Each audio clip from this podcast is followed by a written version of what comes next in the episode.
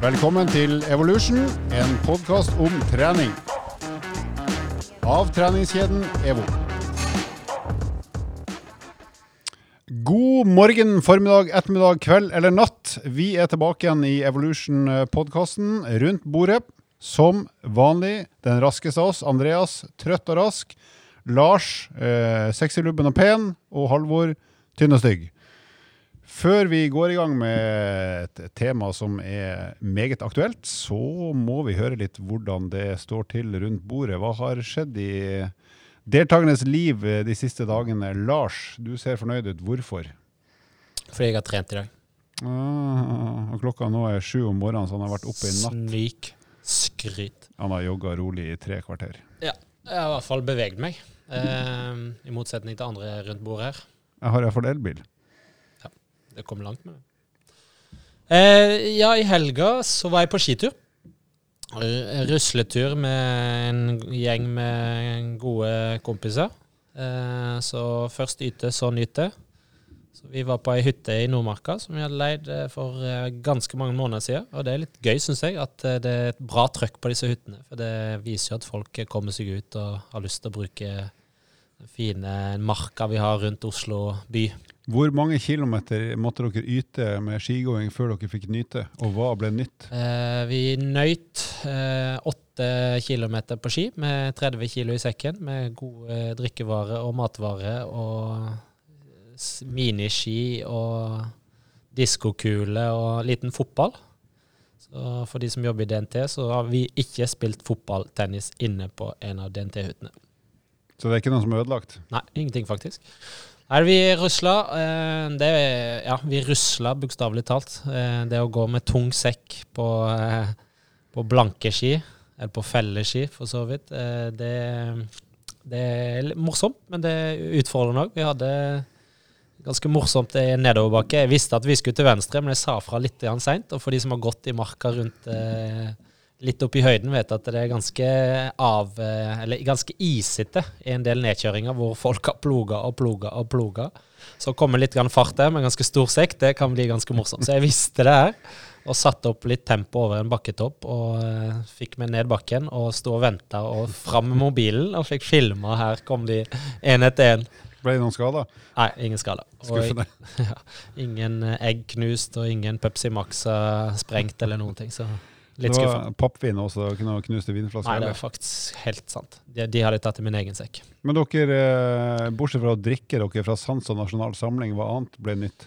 Eh, VM på ski, vi koste oss og fikk sett eh, Klæbo herje med Sovjet? Eh, eller Sovjet, eller motsatt. Eh, vår gode venn Bul- Bulsjunov eh, herja med norske langdistanseløpere. Så det var jo Jeg syns jo det er bra, egentlig, at ikke Norge vinner alt her i VM. Ja, så var det jo, Han har jo vært en taper så langt, for han har jo ingen eh, VM- eller OL-gull, så det var jo hyggelig at han fikk seg en eh, gullmedalje. Ja. Så han slipper å være en taper. Han ser ut som en ganske fin fyr. Minus eh, en hendelse. Minus at han er en drittsekk veldig ofte. Nei, det er bra for Russland, og bra for langrennssporten. Eh, Så fikk vi en langtur på lørdag. Ca. to mil med litt eh, intensitet innimellom og mye latter. og ja, Fikk sett på sånne skikkelige skiløpere ute i marka. Ble det skøyter eller staker? Eller Det ble staker. Ja. Nice. Og du da, Skjetne. Du er så trøtt at du er nødt til å være i form. Du, eh, ikke la dere lure. Jeg eh, kom jo faktisk løpende inn her i dag tidlig sjøl, jeg. Eh, Det var ikke veldig Døra langt. var litt seint ute. Det var ikke veldig langt jeg løp. Jeg løp fra Ullevål og ned hit, fem kilometer i slak nedoverbakke. Det er jo helt perfekt. For i helga så har jeg prøvd å sette pers både i hvor sliten man kan bli, hvor langt man kan gå, og eh, hvor brutalt stavbrekk man kan ha i motbakke. Så eh, i helga har jeg virkelig fått uh, gått på ski. Så begynner å bli klar til å gjøre et forsøk på å gå Birken neste helg. Ja, og Birken neste helg blir jo ikke den vanlige massemønstringa med titusenvis til start. Hvordan skal den foregå? Uh, Birken har løst det på en måte som da heter uh, QR Vinterbirken. Så du kan bruke en QR-kode på mobilen. Så Du holder den foran når du starter, og så tar du den foran. Eh, altså du tar et bilde da, av en QR-kode når du starter eh, på Rena, og så tar du bilde på, på Lillehammer. Og da, den tida du har brukt imellom, det blir da din offisielle tid. Vet du hva QR står for? For det vet nemlig jeg faktisk. Har du sjekka det? Ja, Få høre. Quick read. Quick read. Det er ikke mer fancy enn Det Ja, det er jo For jeg har vært i mange møter der alle snakker om QR-koder. Jeg, jeg, jeg vet hvordan det ser ut, men jeg har ikke skjønt hva det betyr. Så da googla jeg det for et snaut år siden. Da har vi lært noe nytt i dag òg. Vær så god. Det var egentlig det vi skulle snakke om i dag. QR-kode. Sånn, vær så god. Kunnskapen er din. Ja, takk for oss. Eh, hva har jeg gjort? Jeg har sykla utendørs for første gang på fire og en halv måned. I, på søndag var det pluss fire grader og tidvis bart på veiene, så jeg har eh, kuska tur-retur Vestby, som er en tur på åtte mil. Men jeg hadde ikke stavbrekk, jeg hadde punktering. Og så var jeg urutinert så i sykkeltasken, som det heter. Og da er det altså den taska som inneholder verktøy, ikke andre ting. Den eh, hadde en slange som eh, hadde en ventil som var litt for kort. Så det gikk ikke an å skifte dekk eller eh, slange, så det var litt flaut. Hva gjorde du da? Da ringte jeg mitt eneste servicepersonell, som er min samboer, som eh, med stor entusiasme kom og henta meg i nærheten av En av Tusenfryd. de, en av de dyreste service-damene jeg har hørt om. det. Da kom det en sliten Mitsubishi med skiboks og eh, klatrestativ bak, så da ble jeg berga. Men det var digg å være ute Happy wife, happy life. Ja, ikke sett noe til det. Ikke hørt noe til det. Men eh, jeg hører at andre har opplevd det. så det var en eh, fin start tidvis, og så var det litt kjipt å punktere. Men det er godt å være ute igjen. Nå begynner utesesongen, med andre ord. Ja, så det er jo egentlig et hint til deg, Lars, Ja. og han der kameraten din om at det er på tide å komme seg ut på sykkelen. Jeg vet ikke om vi er kamerater etter den helga her, så vi får se. Å ja, var det i dårlig stemning? Jeg knuste den i fotballtennis og i quiz. Så. Ja, Tommy kan jo ikke spille fotball. Nei. Ja, men bra. Vi skal eh, snakke snart om eh, ukas tema. Gjør dere klar, folkens?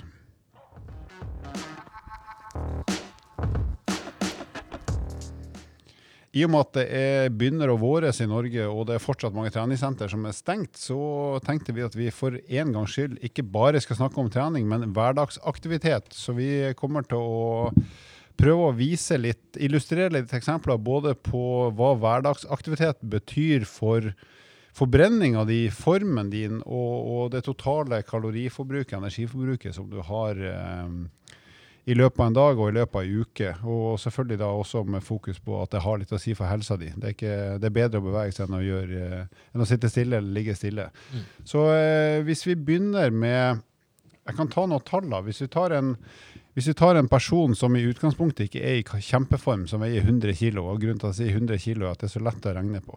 så ser du på meg. Eh, ja, jeg gjorde faktisk det, men det var ikke tilfeldig. hvis du tar en person som er, veier 100 kg, så hvis du skal liksom estimere hvor mye en sånn person bruker på bare å eksistere i løpet av et døgn, så vil den personen sånn røftlig bruke ca. 13 000 Nei, unnskyld, eh, hva sier jeg? Ca. 1920 kalorier per døgn på bare å være i hvile, altså sitte stille, ligge stille, sove. Og det er et ganske stort tall. Eh, som liksom, kan være et utgangspunkt for å finne ut av hvor mye energi, hvor mange kalorier trenger jeg for å gå i null.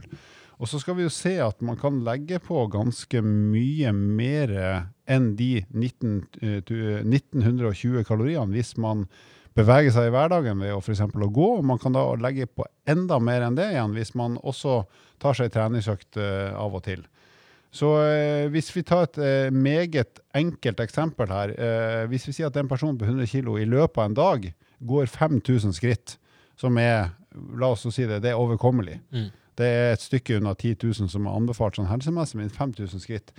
Da vil det utgjøre sånn røftlig drøyt 200 kalorier ekstra i forbrenning, hvis vi bare snakker forbrenning, i tillegg til at det er en helsegevinst å bevege seg. Så da er vi oppe i over 2100 kalorier allerede på bare å eksistere, og så bevege seg litt.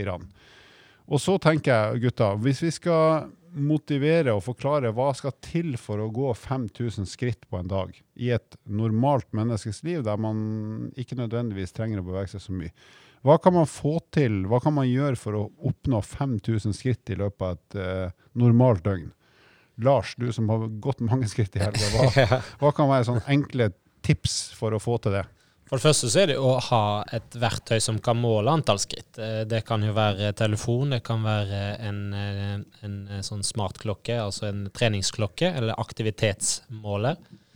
Og så kan det være greit å gi noen tall på eh, ulike vektklasser, sånn at folk har litt mer å knytte det opp mot. Og per fem kilo, hvis ikke det er helt feil, så er det ca. 100, eh, 100 kalorier opp eller ned. Så kan man jo regne seg frem til sin egen eh, I forhold til sin, cirka sin egen vekt, da. Eh, så fem kilo ned, fem kilo opp, så er det ca. 100 kalorier opp eller ned. I forhold til hvileforbrenninger uten å gjøre noe eh, mer enn å ligge sitte. Eh, men 5000 skritt er ikke så ekstremt mye. Eh, og jeg har lyst til å bruke et praktisk eksempel, og det Vi hadde hund før, eh, som vi dessverre mista for eh, halvannet år siden, men den eh, krever jo en del lufting. Én, to, tre, fire turer per dag, avhengig om vi deler det eget av de eller samboeren tar de. Mm. Og det å gå noen kortere turer på rundt eh, 20-30 minutter, da én, to, tre eller fire ganger, det, da dekker man veldig enkelt det behovet eller det målet med 5000 skritt. På to turer, ca. 20-25 minutter, 30 minutter, avhengig av tempoet, så har du dekka 5000 skritt. Veldig enkelt. Og hvis du ikke, ikke har bikkje, da? Da- Eller katt. Katter er vel kanskje ikke noen som går i bånd heller, så hva kan man gjøre uten Da tar du kjæresten din, og så tar du festet bånd på hun eller han.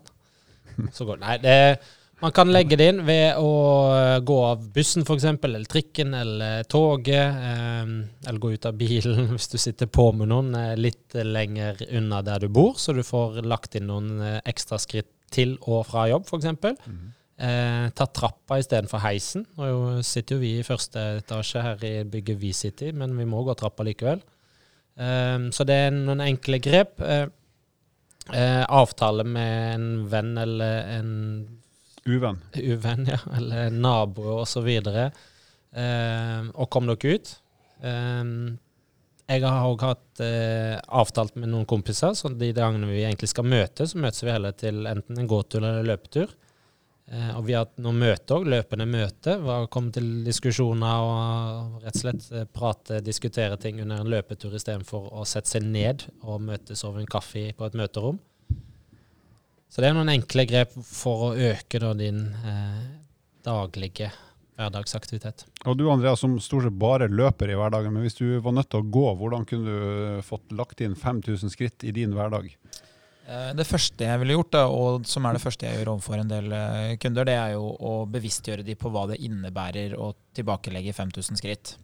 Eh, og hvis man ser da på en del forskning som er gjort på eh, antall skritt per dag, og da kan man jo stille seg spørsmålet er skritt fornuftig å måle. Ja, fordi det er veldig enkelt å måle. Det er jo derfor man bruker det. Eh, og da er det sånn at hvis du har en veldig rolig, stillesittende jobb, eh, og du ikke har noe annet i løpet av hverdagen som egentlig eh, drar deg noe særlig ut av, eh, av det å sitte, så bruker man ikke mer enn rundt 3000 skritt. Det, det er som regel det som må til for å gjøre en del sånne basale greier i løpet av dagen. Mm. Eh, mens hvis du har en litt mer aktiv uh, hverdag, hvis du uh, f.eks. har en jobb som innebærer at du står store deler av dagen, uh, hvis du er si lærer, eh, sykepleier, eh, at du jobber i barnehage, jobber i butikk, så vil man nesten alltid eh, passere 8000 skritt. Eh, noen av de, som har de yrkene, kan jo passere både 15 og 16 000, så det avhenger jo veldig av hvordan type portør på sykehus blant annet, de går jo noe helt hinsides masse skritt. Ikke sant. Så, men det man kan si, da, det er at eh, et sted rundt sånn 1500-1600 eh, skritt får du per kilometer. Sånn at hvis jeg nå begynner å gå bortover gata utafor her, så vil man se at eh, når jeg passerer 1 km, altså når jeg har gått 1000 meter, så vil jeg gjerne ha et sted opp mot 2000 skritt. Det handler jo veldig om hvor høy jeg er, da, for det er jo det som avgjør steglengden. Men hvis man sier at man må gå en del flere skritt enn man får meter, så, så vet man sånn røftlig hva som må til. Ja, så grovt sett, altså et normalt skritt, ja, da snakker vi om skrittlengde, vil det være et sted mellom 60 og 70 cm, litt avhengig av tempo og beinlengde. Ja. Eh, og så vil det jo være sånn at eh, hvis du skal fra A til B, så har du nok lengre steglengde. eh, og hvis du gjør en del jobb på stedet, så vil jo en aktivitetsmåler eller en pulsklokke eller mobilen den vil jo fange opp skritt. Helt uavhengig av lengden på skrittet. ikke sant? Men det som er greit å vite, da, det er at hvis du har en veldig stillesittende jobb, og du ender opp på røftlig 3000, så betyr det at uh, det ligger en 1500 meter her som jeg er nødt til å dekke hvis jeg skal komme meg til 5000. Uh, og det betyr at hvis du knytter på deg skoa og går ut døra, går 750 meter én vei, snur og går tilbake igjen, så har du 5000 skritt. Så hvordan du velger å benytte deg av de uh, 1500 meterne som du er nødt til å bruke, det gjør du akkurat som du vil med for min del. Men det som er viktig, er at det er jo ikke hva du gjør, men at du har gjort det, som er viktig. Så, så hvis du ønsker helseeffekten, du ønsker kanskje den effekten i forhold til antall kalorier, så eh, er det jo noe helt essensielt ved å gjennomføre.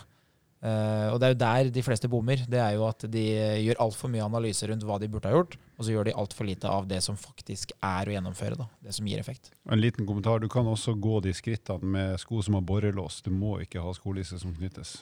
Bare i tilfelle noen Men sånne, var usikker. sånne skolisser som er snurra, jeg husker jeg fikk det da jeg var liten. Vet du, hva, Det revolusjonerte faktisk eh, Ja, som du bare drar i, og så er de på plass. ja, altså, Du har det på fotballskoa, du? Du, du vet, Noen ganger i livet så, så har du noen opplevelser hvor du tenker det her endrer all fremtid. Og det var en av de gangene. Det er omtrent som når du kom, kunne få ferdig oppskåret ost. Også var jo også en sånn game changer på 90-tallet. Du vet, Med det jeg vet nå, hvis jeg har ansvaret for å dele ut en av nobelprisene, så går nobelprisen akkurat her og nå til Det er litt kult hvis det hadde vært da en åtte år gammel Andreas som hadde ansvaret. Vær så god. Selvknytende skolisser. Det, det er for, for å si litt om aldersforskjellen vår, da, så kan jeg si at når jeg oppdaga det du snakker om nå, med de lissene her, det var når vi skulle kjøpe eh, sko til ungene våre. Så du kunne vært far nå. Korrekt. Men eh, hvis du først er inne på sånne ting, da. Jeg, hvis jeg til jul pakker opp et par blinkesko, så tror jeg jeg blir like glad nå som jeg hadde blitt om jeg fikk det da jeg var ti år. Men ikke hvis de har hjul under. Vet du hva? Hjul under skoa, det er en drøm jeg har. Tenk deg å jobbe på en flyplass for eksempel, og ha sånn uh, heel wheels og bare, Ja. bare surfe rundt der. Dattera mi og Maria hun fikk det. Hun var overlykkelig. For da kunne hun trille etter skolen. Det er ikke mange år siden jeg var i Miami første gang når jeg var feira jul og nyttår der borte. Og der var kompisen min, han hadde kjøpt seg sånne i en alder av 22. Så da var vi på Walmart og testa Heelys. Jævlig Unnskyld utspråket, men eh, gøy. Inne på Walmart der. Teste disse her. Bortover gulvet. Men det er ganske vanskelig, faktisk. Det er god eh, balansetrening, tror du eller ei. Det er jo kanskje da ikke helt oppskrifta for å få mange skritt, men Nei, du får ett, ett skritt og god avstand. Men eh, ok, nå har vi snakka litt om hverdagsaktiviteten 5000 skritt, som vi har konkludert med det er svært overkommelig. For du får sannsynligvis ca. 3000 skritt nesten uansett så lenge du står opp om morgenen. Hvis vi øker dosen da fra 5000 til de 10 000 skritt per dag, som egentlig er anbefalt for god helse og et godt funksjonelt liv, da, for det første da, så dobler vi jo da aktivitetsrelatert forbrenning fra 210 kalorier til 420 kalorier hvis du veier 100 kg. Så det i seg sjøl er jo en sånn forbrenningsgevinst som er ganske betydelig. Men her må vi vel, hvis vi skal liksom øke fra 5 til 10 000, så må vi vel nesten begynne å planlegge at vi skal faktisk bruke litt tid på å få til de her skrittene. Ja, det som jeg har erfart, da, det er at hvis, det, hvis jeg har eh, nye PT-kunder, eller PT-kunder som ønsker en endring, hvor vi begynner å se litt på akkurat det her, så pleier jeg å be dem å ta opp mobilen sin hvis de har eh, iPhone. De fleste i Norge har jo eh, iPhone, faktisk. Så går de inn på helseappen. Og det som er morsomt med helseappen, er at den har fanga opp antall skritt du har gått hvor du har hatt med deg mobilen. Langt tilbake i tid, helt siden du skrudde på mobilen første gangen. Og da får vi jo et snitt som på en måte ikke ljuger. Altså det, det er snittet ditt. Det, enten så må vi gjøre en endring, eller så må vi tilpasse oss etter hva som er eh, snittet. Og da ser vi jo at de aller aller fleste de, de er ikke noe høyere enn 5000-6000 i snitt. Og da har du jo òg noen dager som kanskje har dratt veldig mye opp i løpet av en uke. Hvor de kanskje har hatt både 15 000 og 20 000 skritt hvis de har gjort noe i helgene. Som da på en måte vekter opp for de dagene i uka hvor det har vært veldig dårlig. Så som Alvor sier, du må egentlig bare begynne å planlegge, fordi det gjennomfører ikke seg selv. Eh, Men det som er viktig for meg da, å, å fortelle til de kundene som, som ønsker en type endring, det er at gevinsten den er definitivt størst mellom 5000 og 10 000. Fordi selv om det å eh, spise mat og det å ha OK helse, det, det er på en måte noe som ikke har noe med antall skritt du går og gjør, sånn i utgangspunktet, så er det sånn at det å spise eh, vanlig mat en hel dag og det å gå 5000 skritt, det gjør at de fleste ender sånn tålelig null. Så hvis du ønsker bedre form, du ønsker kanskje litt lavere kroppsvekt, så må vi jo da enten gjøre noe med kostholdet, som for de fleste faktisk er ganske vanskelig, eh, eller så må vi gjøre noe med aktivitetsnivået, som òg er veldig vanskelig, men som er litt lettere å forstå for de fleste. Og da ligger plutselig gevinsten ikke 0 til 5000 skritt, men det er liksom fra 5000 til 10 000. Mm. Og en av de tingene som skjer, da, det er jo én, du gjør noe som er mer enn det du har gjort før. Som gjør at kroppen strekker seg i retning av å bli i bedre form. Eh, som et forsvar mot ny belastning. Men så er det én ting til. Og det er at de nye 5000 skrittene du går hver dag, det må jo tas av noen tid som du har brukt til noe annet.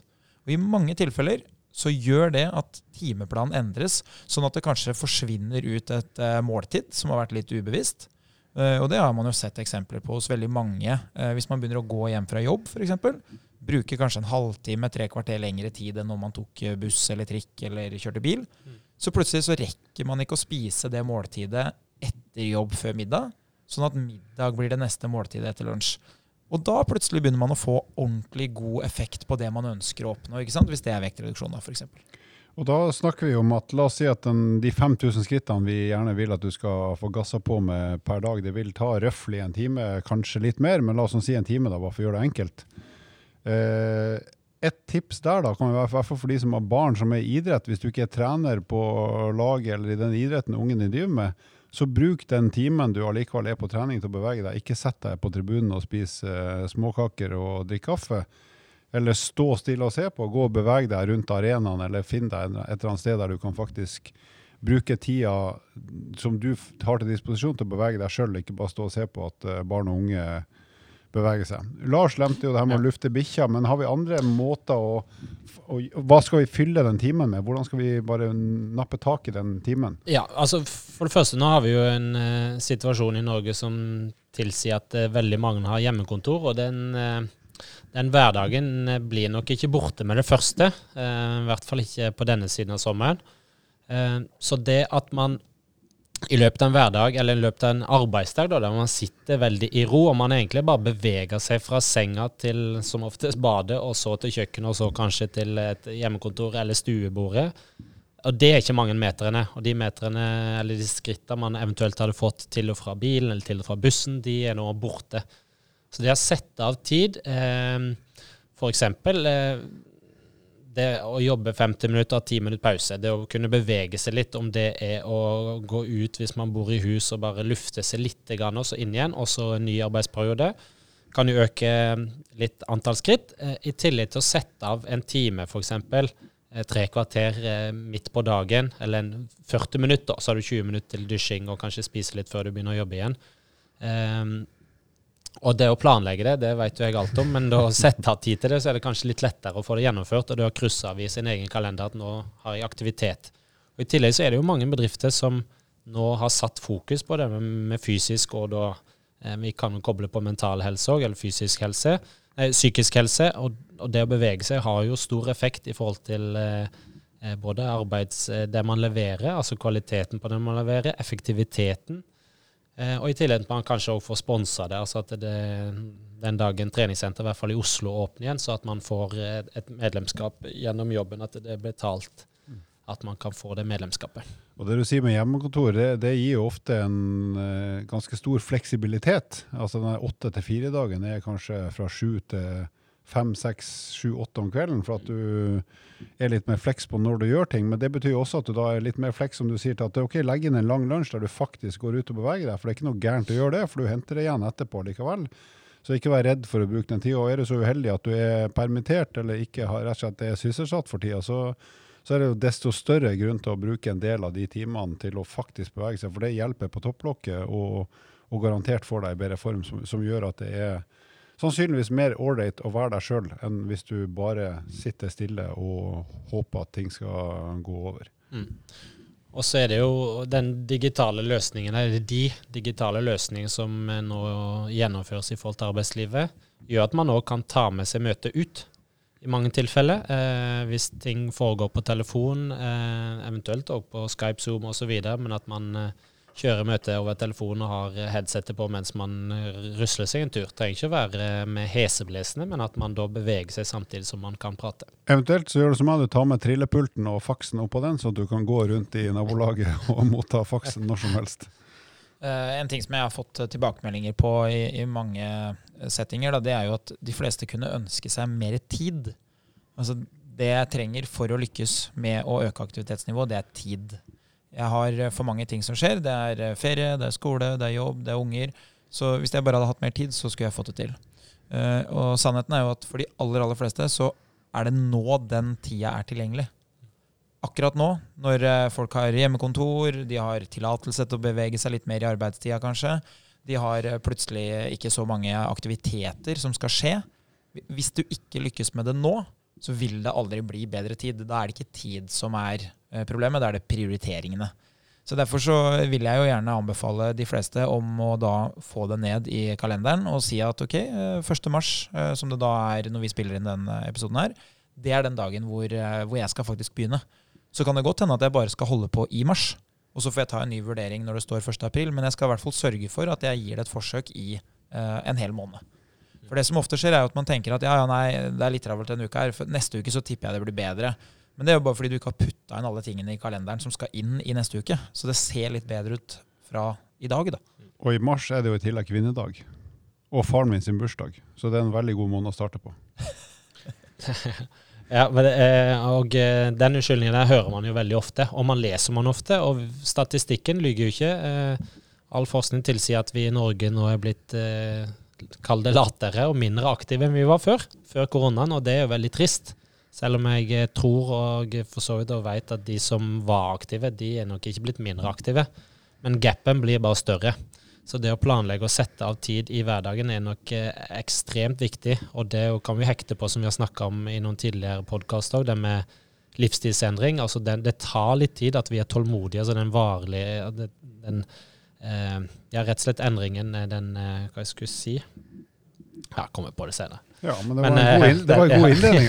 Et eller annet. Men ja. eh, la oss hoppe videre nå, for nå har vi snakka om hvileforbrenninga, som er størsteparten av forbrenninga i, i, stort sett alle menneskers liv. Og så har vi snakka om aktivitetsforbrenninga, eksemplifisert med en person på 100 kg, som hvis vedkommende går 5000 skritt, så tilsvarer den rundt 210 kaloriers forbrenning, og øker ut til 10 000, så blir det da dobbelt så mye, altså 420 kalorier. Så hvis vi i tillegg nå stapper inn litt trening for et sånt menneske, eh, da har jeg laga et forslag på økt som kan være at du tar utgangspunkt i at du går da og ikke løper. Eh, så går du eh, varme opp så du går fortere og fortere i ti minutter, så er du gjennomvarma og fin. Og så går du så fort du kan i to minutter, altså rett og slett intervall. Bånn gass, motbakke eller flatt. Og så har du 90 sekunders pause. og Så kjører du totalt åtte sånne runder med to minutter der du virkelig går på det du er god for, men så får du slappe av i 90 sekunder.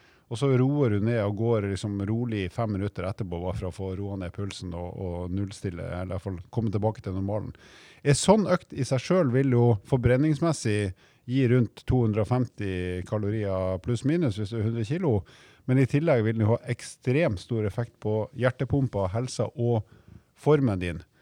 Uh, så hva tenker vi rundt å kunne utfordre på å legge inn kanskje to eller tre sånne treningsøkter også, ikke bare i gåsehudene hverdagsaktivitet, men å rett og slett et par, par ganger i uka legge inn enda høyere intensitet for å få formen også?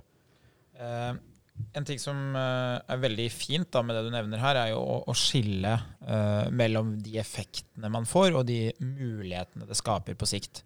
Uh, så når vi da går forbi hvileforbrenning, som vi egentlig ikke kan gjøre noe særlig med Vi kan endre den bitte litt, som har veldig stor betydning på lang sikt, men ikke på kort sikt.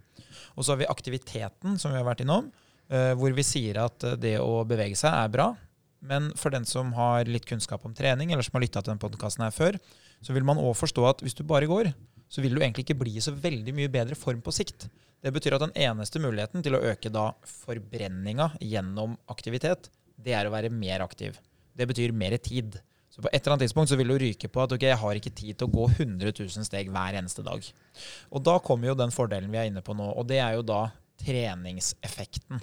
Så hvis du velger, som da Halvor beskriver her, en økt hvor du kan gi litt mer gass, hvor du kan få opp litt eh, slagvolum på, på hjertemuskelen din, så vil du jo én få litt mer forbrenning per minutt, fordi det du gjør er veldig mye tøffere enn det du gjør hvis du bare går. Men den andre fordelen, og den store, store fordelen, er at du blir i bedre form på sikt, som gir et større potensial. Så det betyr at det du får av avkastning i dag, det vil kunne være mer i morgen. Så hvis du tar en person som er helt utrent, og ber den om å gjennomføre den samme økta som jeg skal gjennomføre, så vil jeg mest sannsynlig få et, veldig mye større utbytte av forbrenninga mi enn det den utrente gjør. Fordi at jeg har øvd på det så mye at jeg har blitt veldig god til å gjøre akkurat det vi skal gjøre. Og det er jo litt sånn rart, for de fleste tenker jo at ok, men jo større du er, jo mer forbrenner du. Og det stemmer det hvis vi gjør samme jobb. Forskjellen er jo bare at på et eller annet tidspunkt der, så begynner den som er godt trent, å bli så mye bedre trent at den jobben som gjøres, den er ikke lik. Hvis du tar en helt utrent person som veier 100 kg, så kanskje den tøffe økta du beskriver her, med to minutter, den må da gås på fem km, som du sier. Mm. Det, det kommer til å være nok til at det koker Ja, skikkelig. rask gange. Ganske rask gange. Ikke sant? Mm. Mens hvis du sier, Andreas, nå skal du ha en økt som er like jævlig for deg som det er for den personen som er 100 kg helt utrent. Det betyr at da kan jeg løpe ganske fort, for det er veldig korte intervaller i forhold til hva jeg vanligvis gjør. Som gjør at jeg mest sannsynlig kan tilbakelegge ganske stor distanse på den tida hvor jeg skal gjennomføre den økta. Og derfor kommer jeg til å bruke mange flere kalorier enn den store personen som bare går. Ja. Så bedre kondis, eller god kondis, gir deg større arbeidskapasitet, og arbeidsevne, som gjør at du kan rett og slett bevege deg fortere, gjøre mer, forbrenne mer. Som er litt av poenget med å kanskje stappe inn en, en treningsøkt eh, i hvert fall et par ganger i uka oppå den hverdagsaktiviteten. Ja, og da får du jo fordelen av at du får mer forbrenning, som da gjerne handler om vektreduksjon eller å bevare riktig kroppsvekt. Du får en tøffere jobb, som gjør at du er nødt til å ha litt mer muskelmasse. For selv om du løper eller om du sykler, så det å gjøre en tøffere jobb, det krever mer av muskulaturen. Men den siste effekten, det er jo bieffekten av å drive fysisk aktivitet jevnlig. Og det er jo den effekten man egentlig er på jakt etter. Det er jo at det er veldig sunt for kroppen å hele tida måtte passe på å være i god nok form for de oppgavene som dukker opp. Og da får du plutselig litt jevnere blodtrykk, du får eh, en del eh, frigjørelse av hormoner som gjør at du er i litt bedre humør. Eh, Du ser også kanskje litt lysere på oppgaver du møter fordi at du er vant til å ha det litt kjipt sånn jevnlig. Ja, jeg gjennomfører jo en intervalløkt som er litt dritt en gang i uka. Så det å kanskje nå måtte gå eh, si to timer her på ski med et barn i skiløypa på en lørdag, det er egentlig ganske lett for meg. Så plutselig så møter man en del utfordringer med litt mer, eh, litt mer positiv innstilling. Og så får du jo en styrketrening på kroppen. Enten gjennom slag av at du løper på bein og muskulatur, eller at du rett og slett gjør oppgaver som er litt tøffere enn det du gjør til vanlig.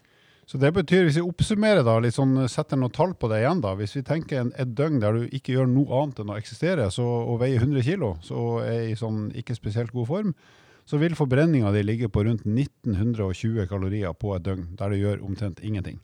Legger du på hverdagsaktivitet der du beveger deg 10 000 skritt, som er fullt mulig, men med planlegging, som han Lars har vært eh, tydelig inne på, så kan du legge på 420 kalorier pluss en kjempeeffekt på muskulatur og helse.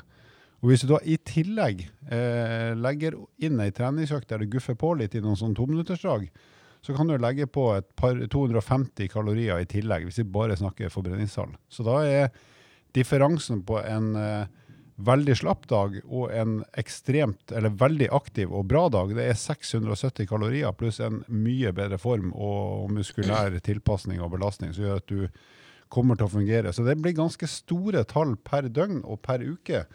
Så både i forhold til forbrenningskontroll, vektkontroll, så har det ekstremt mye å si at du er hverdagsaktiv.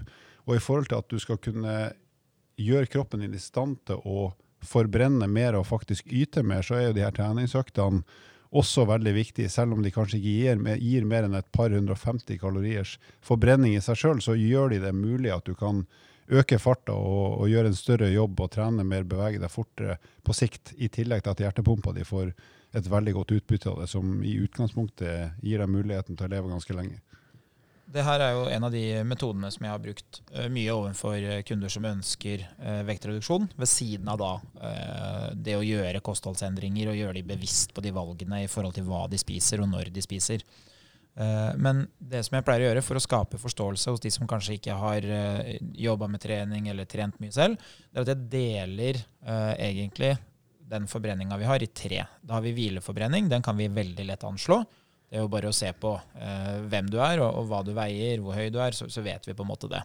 Og da, som du sier, er 2000 kalorier, eller hvis du tar en jente som veier litt mindre, så kanskje det er 1500. Eh, så da har vi på en måte hvileforbrenninga. Og så er det aktiviteten vi gjør per dag. Og det som er viktig for meg da, er jo å si at vi skal ha et minimum, men ikke overdrive. fordi hvis vi legger opp til at du skal hoppe av eh, bussen i Nittedalen og gå 20 km til byen hver dag, så vet vi at det, den gangen vi er nærmest å få det til, det er den gangen hvor vi sitter og snakker om det. Det vil mest sannsynlig aldri bli gjennomført. Mm. Så derfor så må vi legge det på et nivå hvor vi er ganske sikre på at det her får du gjennomført. Uh, og en ting jeg liker å være da, det er liksom nykteren nøktern på resultatene du får, sånn at vi i hvert fall er sikre på at med det vi gjør, så får vi i hvert fall det resultatet her. Det kan godt hende vi får et bedre resultat, men det her er minimum av det vi kan forvente. Og da pleier jeg å si at hvis du tilbakelegger 10 000 skritt hver eneste dag, så er du helt, helt sikker på at du har forbrent 500 kalorier mer enn om du ikke hadde gjort det. Og Grunnen til at man bare bruker 500, det er jo fordi at vi bruker jo gjerne en klokke eller en mobil til å telle skritt. Og den er ikke alltid like god til å sortere om det jeg har gjort, er å strikke sittende i stolen hjemme, eller om jeg faktisk har vært ute og gått til butikken. Så Derfor så sier vi 500 kalorier på 10 000 skritt, og så er det lett å huske at du Mm. får, eh, du får 1-2 der.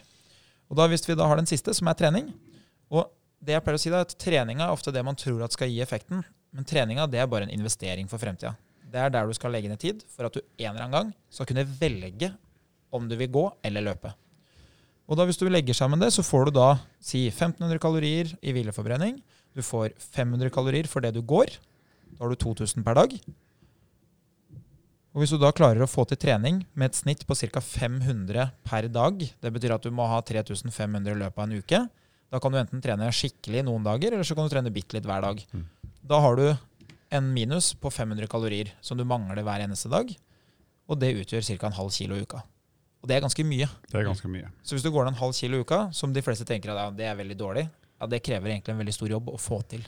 Så det å gå ned en halv kilo i uka, det er egentlig en ganske stor jobb, som for de aller fleste betyr at du må være med hver eneste dag og ha kontroll på hva du driver med.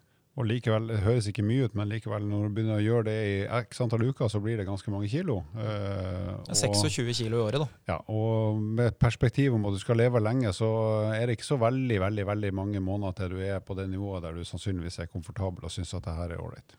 Og Den store fordelen er jo at hvis du driver med en eller annen vektbærende aktivitet, så vil fem kilo ned bety at du er i mye bedre form òg. Definitivt. Da skal vi over til fun facts og spørsmål.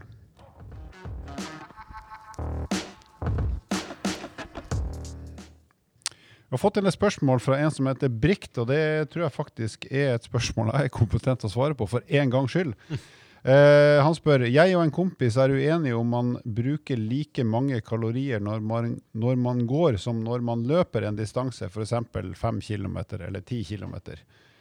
Eh, og Hvis jeg skal fortsette bablinga, så kan vi vel si så enkelt som at gjennomgående så bruker du jo mer kalorier på å løpe en distanse enn å gå, rett og slett for at når du løper, så flytter du kroppen både bortover og oppover nedover. Altså du, et løpesteg eh, fører deg både oppover og fremover.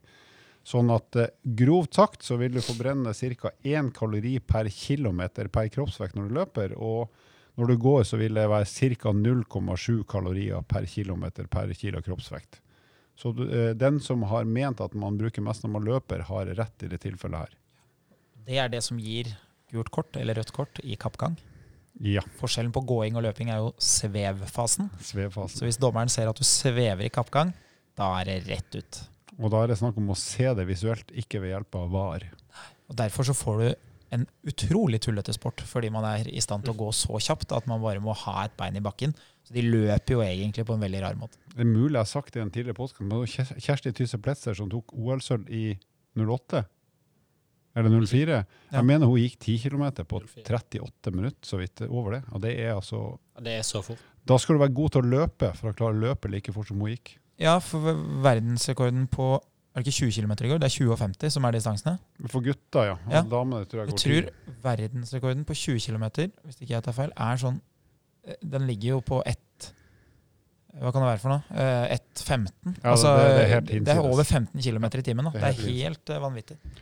Det er helt hinsides. Det ser ganske rart Så ut. det er like imponerende som det er rart, hvis det er lov å si. Men uh, uansett, den som mener at man uh, forbrenner mer ved å løpe enn å gå, har rett. Så har vi uh, snakka mye om bein og bevegelse og hverdagsaktivitet, så eh, ukas fun fact er at i løpet av et normalt liv så vil eh, dine føtter ha gått en distanse som tilsvarer fire ganger rundt jordkloden. Og det er da et gjennomsnittlig liv. Så du Andreas, du ligger jo an til å kunne leve lenge, for du er i god form, og du løper jo noe helt hinsides mye. Så uh, hvor mange ganger rundt jorda tror du du kommer til å ha bevega deg før du går i pennalet? Nei, nå sitter jo ikke jeg i studio sammen med dere, for nå er jo jeg allerede kommet meg til uh, Miami. Så jeg er jo på vei på min eh, fjerde runde her. Nei, vet du hva, jeg er litt usikker på det, men eh, kanskje Strava kan gi meg svaret om noen år. Jeg tror du kommer til å runde jordkloden sju ganger. Jeg hadde 3000 løpte kilometer i fjor, hvis ikke jeg tar feil. Med mindre den gnageren du snart får, kommer til å legge kraftige bånd på ditt liv. Men det tror jeg ikke. Da blir nok vedkommende dratt bak deg. Kanskje vedkommende har en runde rundt jorda uten å ha brukt sine egne føtter. Men du da, Lars, hvor mange ganger har du planlagt å tilbakelegge jordkloden rundt. Et, for å være helt ærlig så tror jeg nesten jeg er i nærheten av Andreas sånn totalt sett, for jeg er litt eldre òg. Ja, det er sant. Mm. Men hvis vi, antar, hvis vi antar at dere kommer til å leve et ganske begredelig liv til dere er 83 år gamle, så dør dere, hva Eller tipper jeg gangene med fire eller fem. I hvert fall ikke glemme at Lars er jo fra et sted hvor det å skulle gå en tur på butikken er jo eh, en kvart runde er rundt jorda. halvmaraton. ja, for jeg tror jeg kommer til å sykle en del ganger rundt jorda. Jeg Ja, håper jo at jeg kommer til å gjøre det resten av livet. Men eh, jeg tror ikke min, min løpekarriere har jo aldri vært god, men den er kraftig på hell. Så jeg tror nok jeg ender på å snøtte fem ganger rundt jorda til fots. Du hadde jo en halv gang rundt jorda når du flytta hjemmefra og skulle gå på skole i Oslo. Det er sant. Jeg gikk jo fra, først gikk jeg fra Bodø til Finnmark. Og så gikk jeg fra Finnmark til Oslo via Finland og Sverige. For å unngå russerne. Via vinterkrig. Jeg overlevde. Det var min vinterkrig, men det var i juni. Nå har vi svada nok. Vi har det, gutta. Vi får uh, takke for oss. Er noen som vil lage en eller annen lyd, eller et eller annet? Auf Wiedersehen. Sayo, sayo. Vil du vite mer om trening? Abonner på podkasten og sjekk ut vårt treningsmagasin på evo.no.